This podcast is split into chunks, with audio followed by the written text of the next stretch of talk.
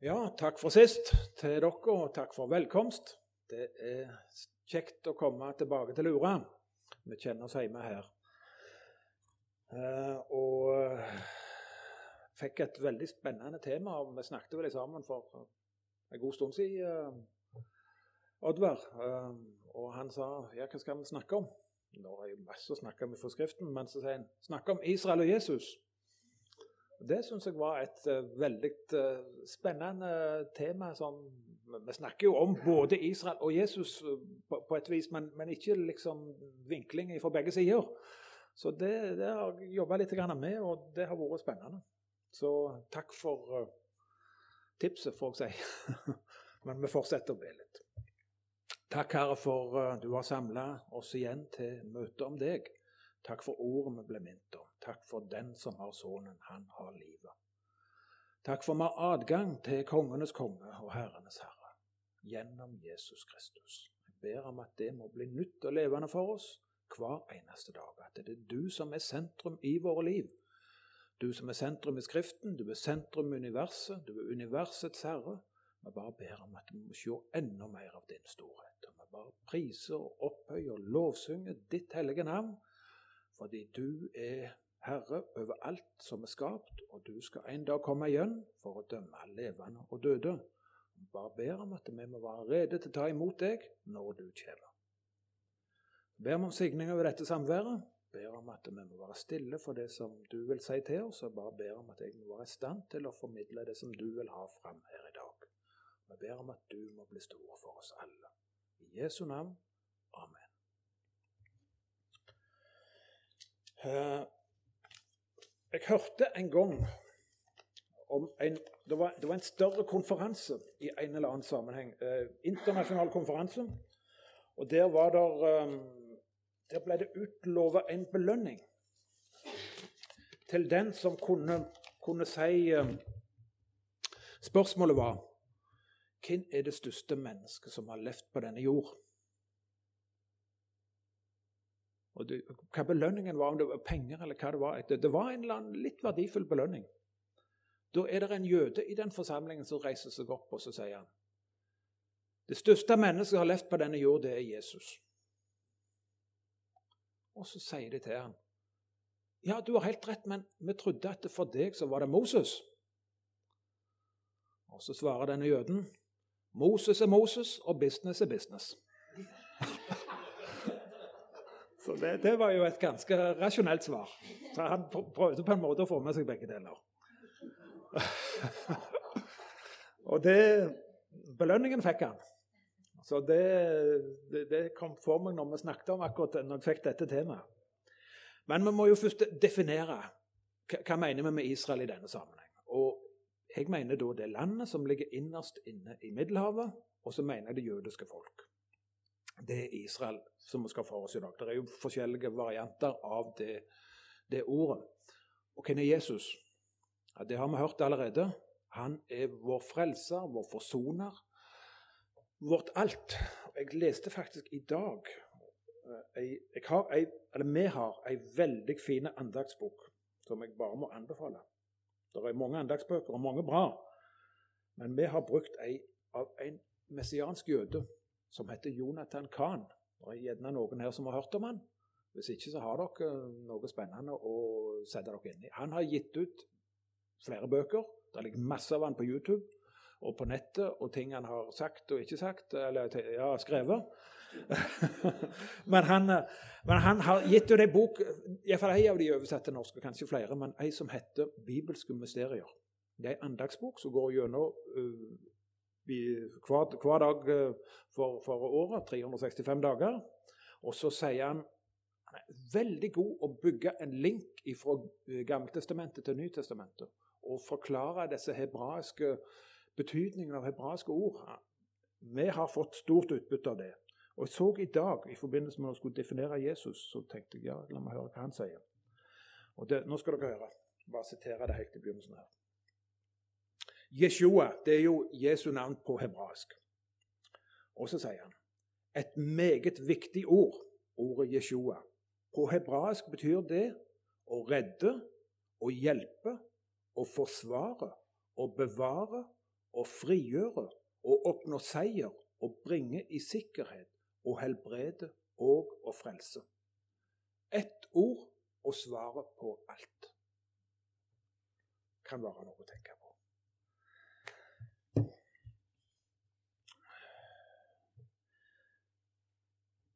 Men Jesus han er den ultimate oppfyllelsen av løftet som ble gitt til Abraham i 1. Mosebok 12,3.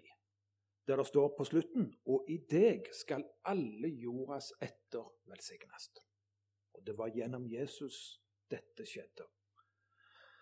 Først og fremst. Og Vi må kunne si som han jøden i, i denne her, på denne konferansen Jesus han er den mest berømte israeler. Ingen tvil om det. Ingen over, ingen ved siden, for å si det mildt. Eh, av han så ble hele vår tidsrekning forandra. Har du tenkt på det? Når vi skriver datoen på brevene våre, så er det Jesu fødsel vi markerer. Nå prøver de å komme vekk fra common area og vanlig tidsrekning og litt sånn, men det er før og etter Kristi fødsel. Verken mer eller mindre. Men i forhold til jødene så ble det trøbbel fra dag én.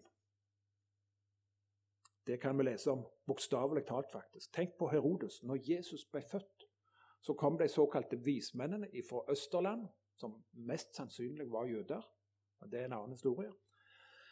De kom, og de ville oppsøke Jesus, og de sa det Hvor er den kongen til jødene som er blitt født?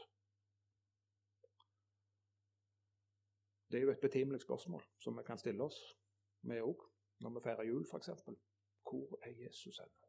Hvor er den kongen for jødene som er født? Og det ble trøbbel. Herodes han setter jo i gang en skikkelig eh, aksjon.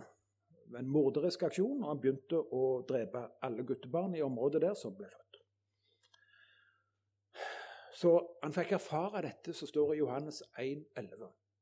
Han kom til sitt eget, men hans egne tok ikke imot ham. Og det er en gjennomgangsmelodi gjennom hele Det nye testamentet. Israel og Jesus, jødene og Jesus, der blir det en, en clash i all hovedsak. Selv om det er heldigvis uh, unntak fra den regelen. Men, men det har nå vært sånn opp til våre dager, og muligens så skjer det noe akkurat nå i den tida vi lever i nå. Det bildet er opprettholdt helt fram til vår, vår tid. Men de messianske jødene de er på frammarsj. Det skal komme litt tilbake til her hvis vi har tid til det. Jeg leste, vil også anbefale en annen ting. Uh, Jerusalem Post det er jo et fantastisk avis. Der er det en app du kan laste ned på nettet. jpost.com. Der kan du følge med i alt som skjer i Israel på engelsk. Enkel, grei engelsk, så det står der. I går sto det om en messiansk jøde. Bare det at de bruker den termen på headlines i Jerusalem Post, er et stort framsteg. Da var det snakk om en messiansk jøde som ville bli visepresident i US. Vi vet jo det er to som er Det står mellom eh, to presidentkandidater og to visepresidentkandidater, men det er jo en del andre også stille. Blant annet så var det en messiansk jøde. Han heter Cohen. Uh, han, han regna med han ble valgt, men sannsynligheten for det er 0,000. Men, men, men, i alle fall så ble han, ble han fremstilt uh, her i, i, i avisa Jerusalem Post. Fikk presentere seg der med headlines. Jeg syns det er lovende. Og det er ikke første gangen. Men last ned den appen. Så Jesus han sier, på tross av dette at han ikke var velkommen, så sier han i møte med den samaritanske kvinna i Johannes 4 Frelsa kjem fra jødene.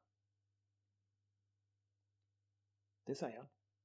Og vi skal, Jeg har kanskje nevnt det før, men vi skal legge merke til at det står i presens. Kjem. Det står ikke 'kom' i at det var noe som var i fortida. Kjem fra jødene. Det er en prosess. Jesus fullender det, men det skal skje mer her. Og det må vi være oppmerksomme på. Jesus han, han, var veldig klar på det gjennom, det kan vi lese gjennom evangeliene. Han var veldig klar på dette at han var kommet for jødene. Det var hans oppgave her på jord eh, først og fremst. Og Han sier det til, i møte med den kanadiske kvinna når hun kommer til han og har en datter som er syk. I Matteus 15, 24, så sier han Men han svarer og sa jeg er ikke sendt til andre enn de bortkomne sauene av Israels hus. Det var hans oppgave. Og når han sendte ut de tolv disiplene sine, som kan lese om i Matteus 10, så sier han Jesus sendte ut disse tolv og bød dem. Gå ikke på veien til heidningene, og gå ikke inn i noen av samaritanbyene, men gå heller til de bortkomne sauene av Israels hus. For jøde først. Det var han et godt eksempel på sjøl. Og Han sier òg i vers 23 i Matteus 10.: Når de forfølger dykk i én by, så røm til en annen.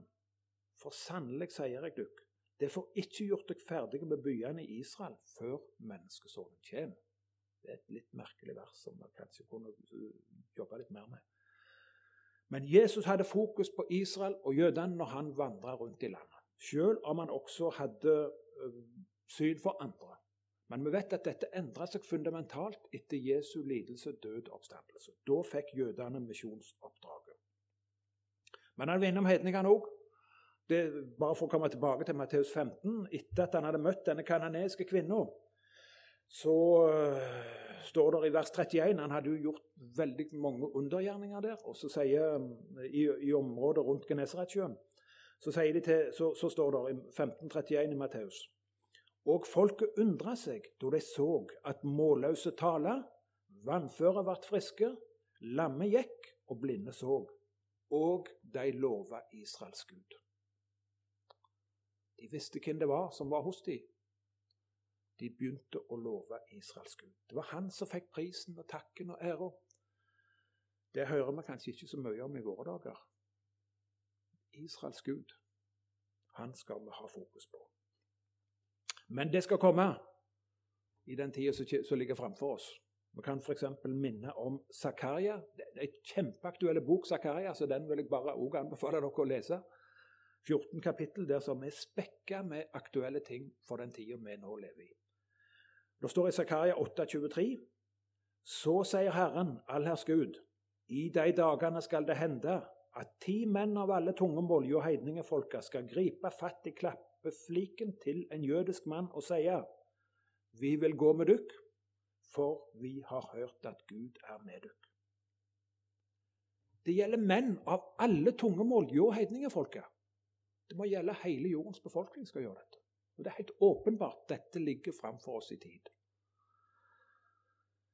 Uh, og, ja, hvis dere ser i Zakaria 8, uh, Zakaria 8 så står det der Jeg har bare lyst til å lese den oppsummeringen. Det er jo så fantastisk, iallfall i den gode Bibelen som jeg har. Uh, der står det en oppsummering av, av kapittelet. og Jeg har bare lyst til å lese den oppsummeringen som står for kapittel 8 i Zakaria. Herre, det, det, begynner slik.: Herren skal føre fangene attende til Sion og la Israel få stor velsigning. Det er de første 15 versene. Så kommer det to vers. Da må Israel legge vind på rett og rettferd. 16 og 17. Og så 18 og 19. Fastedagene skal verte festdager. Veldig mange som legger vekt på faste i Israel. Eh, det merker dere veldig fort når dere kommer til landet og snakker med jødene. De skal bli til festdager. Og så står det etterpå, helt på slutten av kapittelet, mange heidninger skal venne seg til Israels Gud. Her kommer det heftige ting til som kommer til å skje. Men tilbake til, til Jesus og hans virke her på jord. Vi kan se gjennom hele hans, hans virke så hadde han profetiske uh, handlinger Eh, som han, som han, prøvde å illustrere ting med. F.eks. når han forbanna fikentreet. Det står omtalt i um, Markus og Matteus. Markus 11 og Matteus 21. Når han renska tempelet.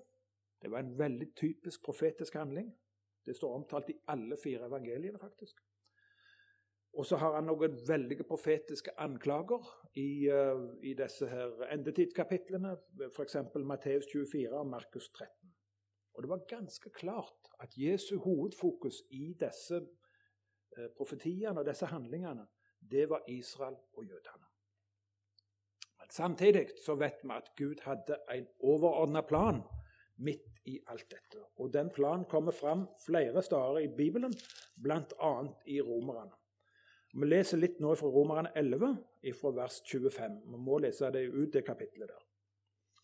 For jeg vil ikke brør at det skal være uvitende om denne løgndommen så de ikke skal være sjølkloke. Forherding er kommet over en del av Israel, til fullnaden av heidningene er kommet inn. Og såleis skal hele Israel verte frelst, som det står skrevet. Fra Sion skal utfrieren komme. Han skal rydde gudløse bort fra Jakob. Og dette skal være mi pakt med deg når jeg tar bort syndene deres. Når det gjelder evangeliet, har de blitt fiender for deres skyld, men når det gjelder utvelginga, er de elsket for fedrenes skyld. For Gud angrer ikke på nådegavene sine og kallet sitt. Det var en gang ulydige mot Gud, men nå har de fått miskunn fordi de andre var ulydige. På samme vis har nå de vært ulydige, men ved den miskunn de har fått, skal de òg få miskunn. For Gud har lagt alle, de alle inn under ulydnaden, så han kunne syne miskunn mot de alle. Og for djup av rikdom og visdom og kunnskap gjør Gud, hvor uransakelige hans dommer er, og hvor usporlige hans veier. For hvem kjente Herrens hug? Eller hvem var rådgiveren hans? Eller hvem gav han noe først, så han skulle få vederlag? For av han og ved han og til han er alle ting. Hans er æra i all eve. Amen. Et fantastisk kapittel. Så er det jo slik at ingen fødselsdag ble feira mer enn Jesus' sin fødselsdag her på kloden. Det tror jeg vi må kunne være sant om. Når vi ser rundt oss. Ikke bare i Norge, men rundt i hele verden. Selv om utgangspunktet var en hedensk solfest. Og det var det. Og det er spennende å lese om utgangspunktet for vår julefeiring. Eh, og vi, vi, sier jo òg dette om Jesus når vi, når vi, har den andre trosartikkelen i vår trosvedkjenning. Så har vi jo en, en ganske lang utgreiing om Jesus. Men det merkelige er at i den trosvedkjenninga sier vi jeg tror på Jesus Kristus, Guds sønn, født av Maria Møy. Og så går vi rett til Pilatus. Hopper forbi 33 år i Jesu liv. Ikke et ord om alt det som han utretta mens han var nede på jord, mellom sin fødsel og sin død. Litt pussig. Men eh, det er sikkert en god grunn for det. Det kan ikke, kan ikke omfatte alt heller, så jeg ser jo den.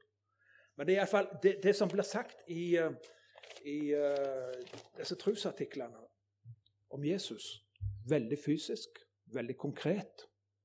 Det er noe som vi ser for oss.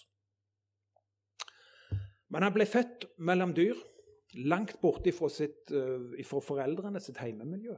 Det vet vi, De bodde jo i Nasaret. Han ble født i Betlehem. Av foreldre som måtte gifte seg, som vi, som vi sier.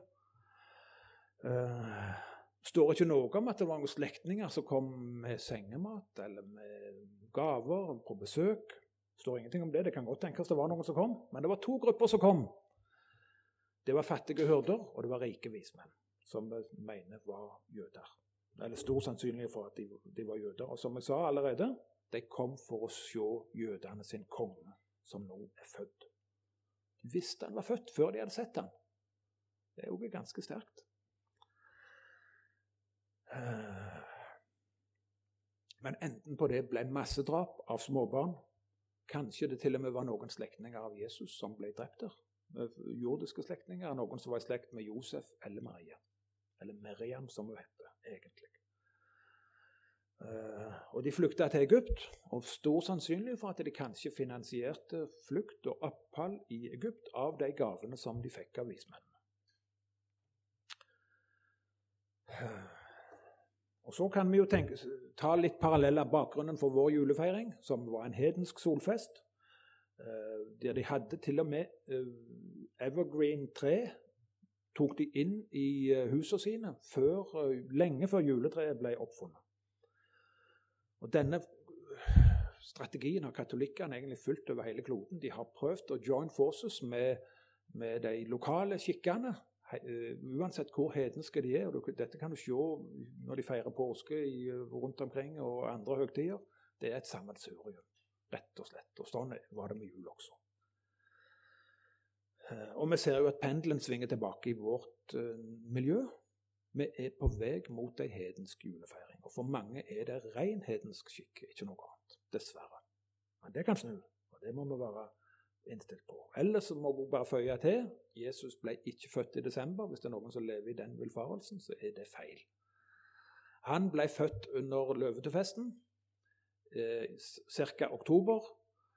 Eh, det kan vi regne oss fram til når vi ser på Johannes eh, døperen sin fødsel og Zakarias prestetjeneste, faren sin prestetjeneste i tempelet.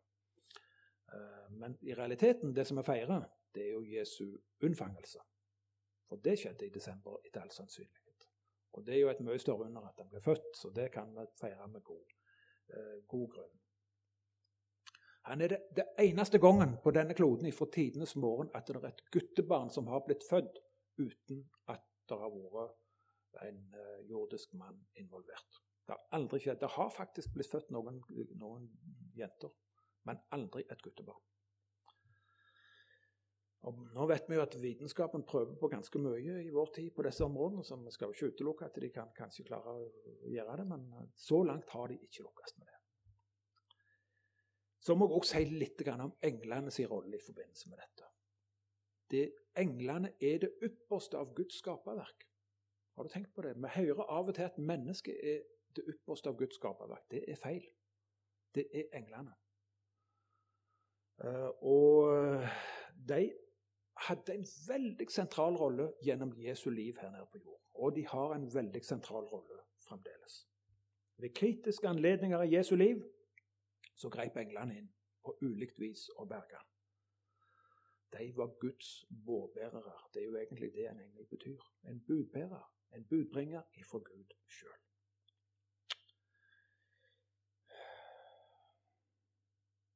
Og Så prøvde jo Jesus gang på gang å få jødene i tale, men jevnt over til fornyttelse. Spesielt fordi lederskapet svikter. Det skal vi merke oss. Så det er et veldig ansvar å være en kristen leder. For du, forsamlingen vil høre på deg. Og Hvis du da leder feil som leder, så kommer forsamlingen òg på villspor. Jesus sier det jo sjøl i Lukas 13, 34, om dette med høna og kyllingene. Jerusalem, Jerusalem, du som slår profetene i hæl og steiner de som ble sendt til deg. Tenk på Stefanus, f.eks. Hvor ofte jeg ville samle barna dine, som ei høne samler kyllingene sine under vengene sine. Men det ville ikke. Veldig trist å lese. Det ville ikke. Men i utgangspunktet så må vi kunne si at det vi tror på, kristendom med Jesus i sentrum, det er en, et uh, Utgangspunktet var jødedommen. Det var ei grein av jødedommen som ble til kristendommen. Det kan vi lese om uh, i f.eks. i apostelgjerningen kapittel 15, når de hadde dette store apostelmøtet i Jerusalem. Så vedtok de der Du uh, kan lese hele kapittelet, men det skal vi ikke gjøre nå. Men jeg bare nevner et par vers. Vers 28-29 i apostelgjerningen kapittel 15. Der står det For Den hellige ande og vi har vedtatt at vi ikke skal legge noe annet bør på dykk enn det som er helt nødsynt at det holder dykk fra avgudsoffer og blod og det som er strøypt og hor. Om det tek dykk i vare for dette, vil det gå dykk vel. Gå dykk godt, lev vel. Det var det eneste. Ellers så var det helt greit. Jeg syns òg det er en flott allianse, Den hellige ande vi har vedtatt. Tenk hvis vi hadde gjort det slik, så ville det bli orden på ganske mye. Hvis våre kristne ledere eh, på alle plan gikk i allianse med Den hellige ande med en uttrykkelig ønske om å underordne seg under den, så tror jeg det ville skje store, store ting. Vi synger, vi har et sangvers som vi bruker en del. Uh, jeg skal komme på noe for. Det er dette her med uh, Godt å tenke, tale, gjøre. Dertil må Den ånd oss føre. Det skjer når Den hellige ånd får slippe til i våre liv. Men så vet vi hvordan det gikk her. Og dette fortsetter i våre dager. Dette som vi leste om i apostelhjernen 15, det ble fort en, et flertall av heidninger inn i den kristne menighet, og det førte til forfølgelse av jødene. Og det har fortsatt helt fram til våre dager, dessverre. Og Vi ser det f.eks. også i vår tid. Eh, våre kjære biskoper var ute med en uttalelse nå nylig der de tok avstand ifra det de kalte for kristensionister. Eh, sånn som jeg definerer meg som, og jeg tror sikkert en del andre her også. Eh, og de sier det at en kristen sionist han er mye verre enn de som støtter apartheid i Sør-Afrika i sin tid. Så der fikk vi passet påskrevet. Eh, og det Ja, hva er en kristen sionist? Ja, det er en, en, For det første så er han en kristen. og Hva vil det si? Det vil si at du tror på Jesus Kristus som din frelser og forsoner, og kan ikke eh, leve uten hans tilgivelse og, er beskyttet av Jesu blod. Det er det ene. Det andre er at du er en sionist. og Det betyr at du vil støtte Israel og hjelpe jødene til å få slå røtter i sitt, eh, det landet som de har blitt lovt i, eh, i de profetiske skriftene fra tidlig stadium, og som er en gjennomgangsmelodi gjennom hele Bibelen. Det er det det består. Såpass enkelt. Det sier våre biskoper er helt forferdelig. Det må du ikke gjøre. Vi trenger å be for dem at de må få eh, lys over disse tingene. For dette blir bare mer og mer sentralt etter hvert som tida går. Som vi var litt inne på fra Zakaria 8 f.eks. Og for meg er det et kall og en viktig tjeneste å få lov til å være med og bringe jøder hjem til Israel, der de hører hjemme. Fra alle verdens kanter. Vi har snart i 20 år vært engasjert i en organisasjon som heter Ebenezer Operation Exodus. Der vi oppsøker jøder rundt omkring på hele kloden, forteller dem hvilke rettigheter de har, og minner dem om at eh, vi kan hjelpe dem til å komme hjem til Israel. Og Vi ser det slik og Der er nok biskopene fundamentalt uenige med oss. Men vi ser det slik at jødene sin heimkomst til Israel det er begynnelsen på deres åndelige gjenopprettelse og gjenfødelse. Det har vi en del eksempler på, men det til å bli det, det, er bare småting i forhold til det som kommer til å skje framfor og som ligger framfor oss. Og Vi merker det også når vi, vi, ser på jøder i Israel. Så får de en, en helt ny identitet. De, de, en, de, lever på en annen måte når de kommer til Israel. Senest sto intervju i dagen i går faktisk med en, uh, en kvinne fra Oslo, 23 år. Hun utvandra til Israel når hun var ca. 20. Hun sier det at her kjenner jeg meg hjemme. Og det samme, Vi møtte Peter Beck, som er en uh, frilansjournalist. Skriver en del i Aftenbladet, bl.a. Vi har møtt han i Jerusalem. Og snakket med han andre ganger også, for så vidt. Men han sier det. Datteren min, når hun, kom til, når hun var i Norge Han har flytta til Israel for noen år siden. Han sier det, når vi var i Norge, så sier dattera mi da eksisterte jeg. Men når hun, til, når hun kom til Israel, da begynte hun å leve. Det er ganske stor forskjell å eksistere og leve. Og Sånn har vi hørt andre også som har kommet med vitnemål. Gud har en profetisk og en åndelig plan med jødene sin tilbakevending til landet han har lovt dem. Det er å løfte fram Guds ære og bringe lovprisning til hans navn. Det er det som egentlig er fokuset her. Det er det som skal, skal, skal skje. Det er ikke for at jødene skal bli store, det er for at Gud skal bli stor. Og Det er veldig viktig at vi har det klart for oss. Tror vi må lese litt om det. Eh, Jesaja 43, vers 6 og 7. Der står det. Eh, ja, jeg vil si til landet i nord, gjev deg hit, og til landet i sør, halt deg ikke att. Lat sønnene mine komme langt bortenfra, og døtrene mine fra enden av jorda. Hver en som er kalla med mitt navn, som jeg har skapt til mi ære, som jeg har laga og gjort. Det er Guds ære det er snakk om. Og 49,3 i Jesaja. Han sa til meg, du er tjeneren min, du er Israel. På deg vil jeg åpenbære herligdommen min. Og Vi må ikke surre dette sammen og begynne å tilbe jødene, for det er fullstendig feil. Det er Israels Gud som skal løftes fram, som, som er den som skal ha all ære og pris.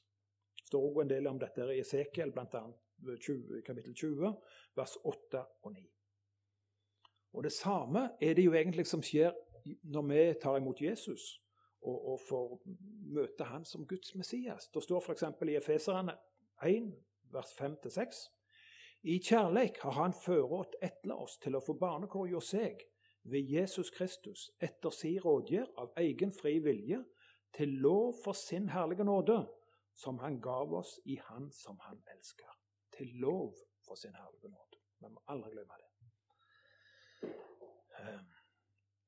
Og På denne måten så kan det òg skapes en helt ny forståing for at Jesus Messias var og er den profetene venta på, og som Gammeltestamentet skriver så mye om. Men denne forståelsen ser ut til å være på kollisjonskurs med det som er uh, hovedretningen i Den norske kirka, og sannsynligvis også, sannsynligvis også i store deler av det øvrige kristne Norge, dessverre. Det er den såkalte erstatningsteologien som dominerer i Norge. Når jeg jobba litt med dette, her, så kom jeg over noen sitater fra en kar som heter Christian Ihlen. Jeg vet ikke om det er mange her som kjenner han. Ove nikker. Eh, han var teologiprofessor. Konservativ teologiprofessor på Det teologiske fakultet, faktisk, eh, før MF ble oppretta. Og han var veldig sentral i Den norske Israelsmisjonen i mange år. Han var formann helt fram til 1948, og han var redaktør av uh, organisasjonens blad, som heter uh, Misjonsblad for Israel, i nesten 50 år, helt fram til 1956. Og Han skrev også Israelsmisjonens historie mot slutten av sitt liv. Nå har jeg ikke lyst til å henge ut Israels Israelsmisjonen. Jeg tror de har forandra seg litt på en del av disse punktene, men det kan være viktig at vi får dette fram, slik at uh, vi skjønner den teologiske tradisjonen som, som vi alle er en del av. Men han var altså skeptisk til jødene og Israel. Men han var aktiv i Israels misjon. Veldig aktiv. Og han skrev i 1934 følgende Sammen med kommunismen i Russland utgjorde jødedommen den største og farligste antikristelige makt i vårt kristne Europa. Det er klart det der kunne fyre opp antisemittismen så det heller. Han var helt avvisende til at jødedom og kristendom på noen måte kunne sammenes. Derfor mente han en kristustruende jøde han måtte oppgi sin jødiske identitet helt og fullt. Og Han avviste òg at jødene hadde en historisk rett, eller en bibelsk rett til det daværende Palestina. Og, og kan bare høre hva han skrev i Misjonsbladet for Israel i 1948. Vi i Israels misjon tar ikke del i gleden over en jødisk stat. Og Det var faktisk gjennomgangsmelodien i store deler av kristenheten i Norge. Og Så skrev han etterpå nå kommer den svarte død. Uten Kristus ingen jødisk nasjonalstat. Det er ganske Ja. Vet ikke. Ja. Det, det, det, det er iallfall et faktum. Det ble sagt. En tror knapt det en hører. Så galt er det. Men igjen, det er teologien som fører det på villspor. Det er respekten for Skriften og, og ønsket om å trenge inn i hva Gud har sagt. Pilaren var, Det grunnleggende var dette. Jødene måtte først omvende seg for at de skulle komme hjem til landet. Det var det som var liksom det grunnleggende. Og Derfor så skrev Ilen, samme Ilen skrev noe annet i 1934. Det er grunnloven i Israels historie at når det er vantro og ulydig, spredes det blant folkene. Når det omvender seg, samles det igjen med velsignelse og lykke i sitt land og sin stad. Tenk om det samme skulle gjelde for oss i den nye pakt. Det hadde blitt ganske, ganske stritt. Hvor ble det av nåden? Den er totalt totalt vekke. Og som sagt, Jeg har ikke studert dette veldig grundig, men jeg tror at han er jeg tror det var få som protesterte mot dette synet på denne tida. Dessverre. Men det var ett hederlig unntak, og det var Per Faye Hansen i Karmel.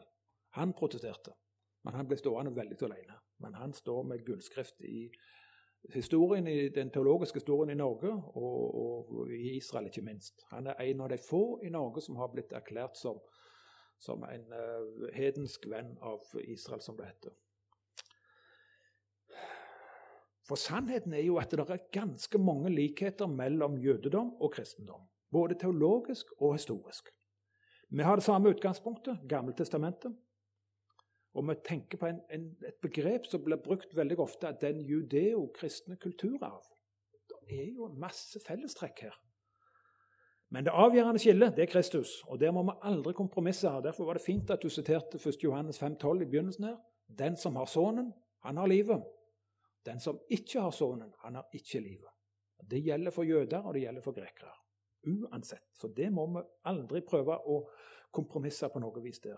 Og Det er nok i noen sånne israelskretser en tendens til å liksom eh, ja, vi har lyst til å bli som jødene omtrent, og vi skal mm, tilpasse oss deres skikker og, og ja, bli litt jødiske. På sett og vis ikke noe galt i det, men en skal være veldig forsiktig med dette. Fordi at det kan fort dra oss vekk fra sentrum, som er Jesus, som aldri må bli noe annet enn han. Vi, må, vi, kan gjerne være venner, selvsagt skal vi være venner med dem. Vi skal støtte dem og hjelpe dem, men de skal hele veien skjønne hva vi står for. Og Det har vært viktig for oss i Ebenezer. Vi legger aldri skjul på at vi er en kristen organisasjon som tror på Jesus som vår Messias, men vi er samtidig lojale mot det regelverket som vi har fått av israelske myndigheter når det gjelder å bringe jødene hjem. Vi skal ikke evangelisere med ord, det gjør vi ikke heller. Eh, men det har skjedd eh, store ting i kjølvannet av eh, vårt arbeid pga. Herrens nåde. Og det er at folk har møtt Jesus på tross av manglende evangelisering med ord. Jesus han er den eneste ifra tidenes morgen som har sjøl valgt å bli født. Har du tenkt på det? Du og jeg, vi, det var våre foreldre som egentlig bestemte seg for at vi skulle bli til. Slik var det ikke med Jesus. Men ikke bare, ikke bare det. Han valgte òg å bli født for å dø. Det var det som var målet med hans fødsel. Born to die, som de sier på utenlandsk. Det er ganske heftig hvis du tenker på det. Og Her kan vi lese fra Filippenserne 2,5, som vi ikke skal gjøre nå for ikke å stjele hele tida her. Der står det om dette at han fornedra seg sjøl, han ble lydig til døden, ja, døden på korset. Og så skal han opphøyes. Han skal få et navn som er over alle navn, og som hvert kne skal bøye seg for. I himmelen og på jorda, under jorda. Og alle skal sanne at Jesus Kristus er Herre til Gud Faders ære. Fantastisk. Og så er Jesus fremdeles et menneske. Han er mellommannen mellom Gud og menneske, som det står om i hebreerbrevet. Mennesket Jesus Kristus. Fysisk er han jøde. Han ble omskåren på den åttende dag, som alle jøder blir. Eh, lik alle jødiske menn. Han var og er mann. Han hadde en menneskes natur, men uten synd. Skaperen ble sjøl en skapning. Det som skjedde. Galaterne 4, 4-5. Men da tida var fullkommen, sendte Gud sønnen sin, født av ei kvinne, født under lova, for at han skulle kjøpe fri de som var under lova, altså jødene, så de skulle få barnekår. Fantastisk budskap. Ja, han var altså, som jeg har sagt, verdens mest berømte person. Det er nok beskrevet noen biografier om han, men som sagt, minimalt beskrevet fra tida han ble født og til dess han begynte å virke offentlig. For vi har rett og slett ikke kilder om det. Hans første 30 år har vi minimalt med, med info om. Vi vet at han var sannsynligvis snekker eller tømmermann og hjalp faren, men så mye mer vet vi ikke. Men vi vet desto mer om hans tre siste år her på jord. Og det skriver Johannes så veldig fint om i uh, Johannes 21, 25, siste vers i Johannes evangeliet. Men det er også mye annet som Jesus har gjort. Skulle det skrives ned, hver ting for seg, da mener jeg at ikke hele verden ville romme de bøkene som da måtte skrives. Litt av et, eh, en, en eh, attest å få. Vi vet altså mye mer om hans død enn hans fødsel. Under og teiken kun, han kom kun for å hjelpe. Vi kan lese hvor vi vil. Jesus hadde som strategi han skada aldri noen. Han gjorde bare vel men ble likevel drept på den mest bestialske måten som de kunne tenke seg på den tida, ved å bli korsfesta. Hvorfor? Guds plan og Guds timing, som det sto om i Galaterne 4, som vi siterte nettopp. Og så var det oss hedninger som drepte han. Via disse romerske, romerske soldatene, selv om jødene òg var med og fikk han dømt. Men det som egentlig drepte han, det var de og mis hund. Det må vi aldri glemme. Og så ser vi hvordan dette bølger tilbake. Når vi leser f.eks. om, om inntoget på palmesøndag i Jerusalem, så var han jo kjempepopulær, og de, de trodde at han skulle befri dem fra romerne. Så derfor så ropte de 'Hosianna'. Og vet, Det kan bety litt forskjellig, men det som det sannsynligvis betydde her, det er dette. Befri oss.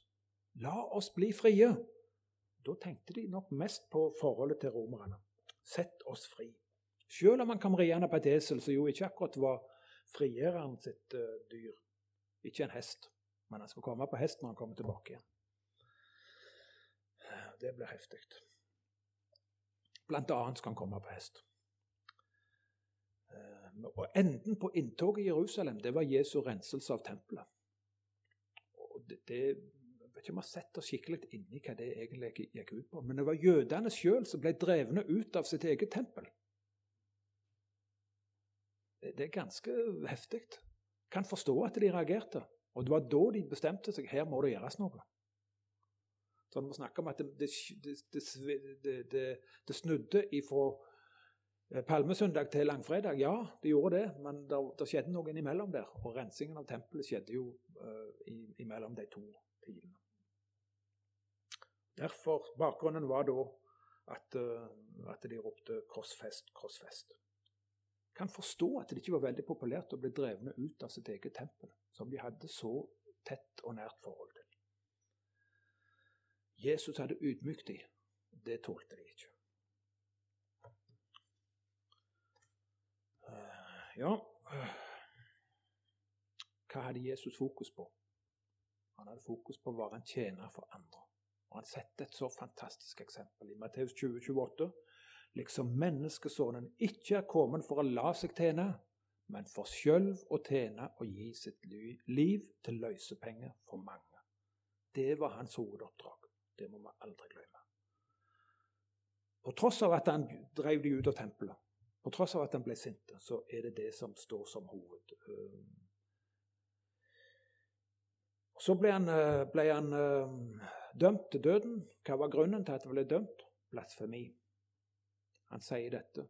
Når Pilatus spør han hvem han er, så sier han 'Jeg er'. Det er navnet på Gud. Jeg er. Og Har du tenkt på det at når vi sier Det, det skriver han om i den boka, sier han der, uh, Jonathan Kahn.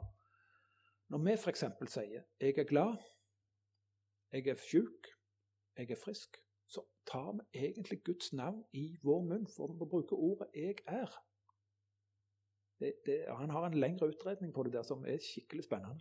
Så en, nok en, en uh, god grunn til å kjøpe den boka. Det sier jo Jesus når han står framfor Pilatus. 'Jeg er, du har sagt det'. Men han la aldri fingrene imellom når han skulle beskrive de jødiske lederne. Han sier det f.eks. i Johannes 8, 44 det har djevelen til far. Det er veldig sterkt. Men det gikk ikke inn. De ikke, hadde du møtt det budskapet fra en, en, hva skal vi si, en autoritet, så skulle en kanskje tro at en begynte å tenke seg om. Men det skjedde ikke. Tvert imot, de prøvde å ta knekken på ham. Gang på gang ser vi det. Men bare, når tida var inne, så, så skjedde det. Men ikke før. Det var flere ganger man kan lese evangeliet. De prøvde å steine de prøvde å skue han ut forbi et fjell. Fikk ikke til det, men Jesus hadde timingen fullt og helt i påskedramaet. Han hadde regien fra A til Å. Tidspunkt, plassen, måten det skjedde på. Alt.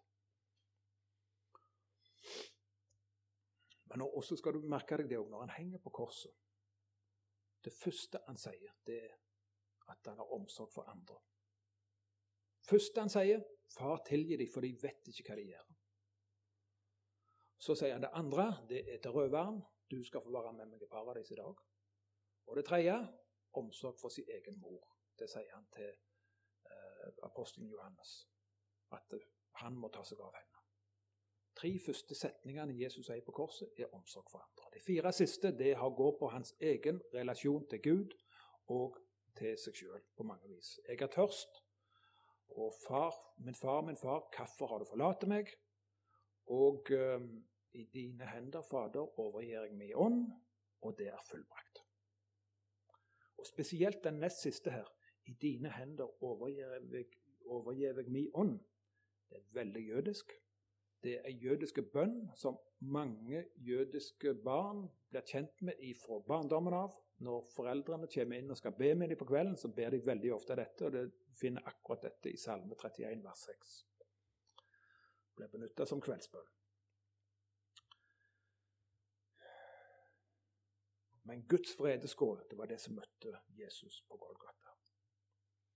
Og hensikten med Jesu komme var at han skulle dø og stå opp igjen, slik som vi får det skissert i 1. Korinterbrev 15, 3-4. For jeg overgav dere mellom de første ting, det som jeg sjøl tok imot, sier Paulus. At Kristus døde for syndene våre etter Skriftene, og at han ble gravlagd, og at han sto opp igjen tredje dagen etter Skriftene. Gang på gang står dette etter Skriftene. Og hva var det? Det var Gammeltestamentet. Alle plasser når du møter i Nytestamentet ordet etter Skriftene, så er det Gammeltestamentet de henviser til. Det skal vi merke oss. F.eks. også når Jesus møter disse Emmausvandrerne i Lukas 24. Et fantastisk avsnitt som vi skulle eh, lese bare for å lese det. for det, det Man leser det når du kommer hjem. Lukas 24, 13-35. Hvor seine dere er til tru, sier Jesus. Det samme gjelder jo både for jøder og grekere i dag også. Hvor trege dere er til tru. Les Skriftene og se. Og han la ut fra dem, ifra profetene og Toraen, og hele greia viste det er jeg som hovedperson i alt det som står her. Skriftene. Jeg må nevne en annen av mine favoritter. Eh, Jonathan Kahn er en av dem, som har blitt kjent med nå i det siste. Men den andre han heter David Pawson. Jeg har nok kanskje nevnt det navnet før her. Men han har utgitt en masse bøker. Han er død nå, dessverre. Men han var godt over 90 år. Han møtte han flere ganger i Israel og hørte han talt mye. Han har bl.a. utgitt en bok som heter 'Unlocking the Bible', som er en bibelkommentar. King size. Uh, men du, får en god innføring i alle bibelske bøkene. 'Unlocking the Bible'. Du kan bestille den på nettet. Den koster bare 160 kroner. For jeg bestilte den nylig. Det er en kjekk ting å stikke til folk. Uh, og du får den tilsendt fra abroad, og det, det er Jeg anbefaler den veldig sterkt. Kan ikke lese den fra A til Å, men for eksempel, nå hadde vi nylig hjemme en, eh, en bibel, en misjonsveke, eller helg var det vel helst, jeg gikk gjennom hebreerbrevet. Så nyttig å kunne lese det som sto her om Påsen, Påsen hadde sagt om hebreerbrevet. Nei, eh, Galaterbrevet var det, sorry. Og, og, ha det som bakgrunn. Det er en god måte å forberede seg til møter og taler på å ha et sånt et oppslagsverk tilgjengelig. For han er en solid forkynner som står på de gamle stier, for å si det slik. Og Han ser linken mellom Gammeltestamentet og Nytestamentet. En gang så forteller han Han fikk uh, i oppdrag Han skulle tale på en baptistkonferanse i England. Og Da skulle han snakke om korset. Skulle ha fem taler om korset. Og så sier han der, han da, om vil gjerne ha et tema for hver, tema, hver, gang du skal tale. Og så sier David Pawson jeg er ikke så veldig, jeg skal tale om korset, men jeg kan ikke gi deg tema. Men han presta. Til slutt så måtte han komme med tema. Så fikk han tema for alle fem kveldene. Og temaet var Genesis, Exodus, Leviticus, Numbers og uh, Deuteronomy. De fem Mosebøkene. Det var temaet. Og så talte David Pawson med utgangspunkt i første, andre, tredje, fjerde og femte Mosebok, én kveld på hver, og viste hvordan Jesus er omtalt, hvordan korset står sentralt i Mosebøkene. Han fikk sjokk, han der mottakeren. Det må være en misforståelse. Det er korset du skal snakke om. Ja, jeg skal snakke om korset, men det står mye om korset i Mosebøkene. Og Det ble en øyeåpner for mange av dem. Det tror jeg det kan bli for oss òg. Hvis vi virkelig ved Guds nåde får studere Gammeltestamentet, så er det så dype skatter der at det, det, det tror jeg vi med fordel kan bruke litt tid på. Ja Så er det Må jeg bare si litt grann, helt avslutningsvis nå. Jeg er klar over at vi har brukt tida, og vel så det. Men um, når Israel skulle Dette har jeg kanskje nevnt før, men en god ting kan ikke sies så ofte. Når Israel skulle etableres i 1948, så sleit de mye med, med konstitusjonen. De har jo egentlig ikke noen konstitusjon, men, men, de har det likevel. Og Da var det liksom, skulle finne en fellesnevner for konstitusjonen i Israel. Og Det sleit de med, for det er jo en sekulær stat på, på mange vis. Men så skulle de liksom finne noe som uh, sammeina de. Og da ble de enige om Rock of Israel. Israels klippe. Det var en grei Så det står nevnt i konstitusjonen til Israel. Og det vet vi hva, hva er Israels klippe? Det er Kristus. De har Israels klippe, de har Kristus nevnt i sin egen konstitusjon uten å være klar over det faktisk når de gjorde det. Så det er fantastisk. Så vil jeg bare helt til slutt ta litt om framtidsutsiktene for Israel. Og Da skal jeg lese Zakaria 12,10. Der står det Men over Davids hus og over innbyggerne i Jerusalem vil jeg renne ut nådeanden og bøneanden, og de skal sjå opp til meg som de har gjennomstunget. Og da skal de sørge over han som en sørger over eneste sønnen sin, og klage sårt over han liksom en klager over den førstefødte. På den dagen skal sorga verta stor i Jerusalem, som sorga over ulukka i Hadadremon i Megiddondalen. Og landet skal sørge hver ett for seg, ett i Davids hus for seg, og kvinnene deres for seg, ett i Natans hus for seg, og kvinnene deres for seg, ett i Levis hus for seg, og kvinnene deres for seg, si med itter etter for seg, og kvinnene deres for seg. Likeens de andre ettene, hver ett for seg, og kvinnene deres for seg. Det er ei Ja, det, det blir heftig. Å erkjenne at en har tatt feil men samtidig få bli innbudt og få lov til å ta imot det likevel. Det er, og Leser vi videre i Zakaria Når Jesus skal komme igjen, Zakaria 14 På den dagen skal føttene hans vers 4, på den dagen skal føttene hans stå på Oljeberget, som ligger mot øst, midt imot Jerusalem. Og Oljeberget skal rivne tvers over mot øst og vest, så det blir en stor dal. Den ene halvparten av fjellet vik mot nord, den andre halvparten mot sør. Det er kraft i Jesu føtter, folkens. Han setter føttene sine på oljebanken. Det revner i to. Ja. Og så sier da noen, eh, forstår seg på, at dette kan du ikke ta bokstavelig. Er det noe man kan ta bokstavelig, så er det Guds ord. Så eh, her gjør vi vel i å ta det til oss og la det få gjøre sin gjerning inn i våre liv. Nå hadde jeg tenkt å si litt om messianske jøder, men det tror jeg nesten ikke vi kan tillate. Eller, jeg tror vi har brukt nok tid, men jeg kommer gjerne tilbake en gang og, og snakker litt om messianske jøder. Takk skal dere ha.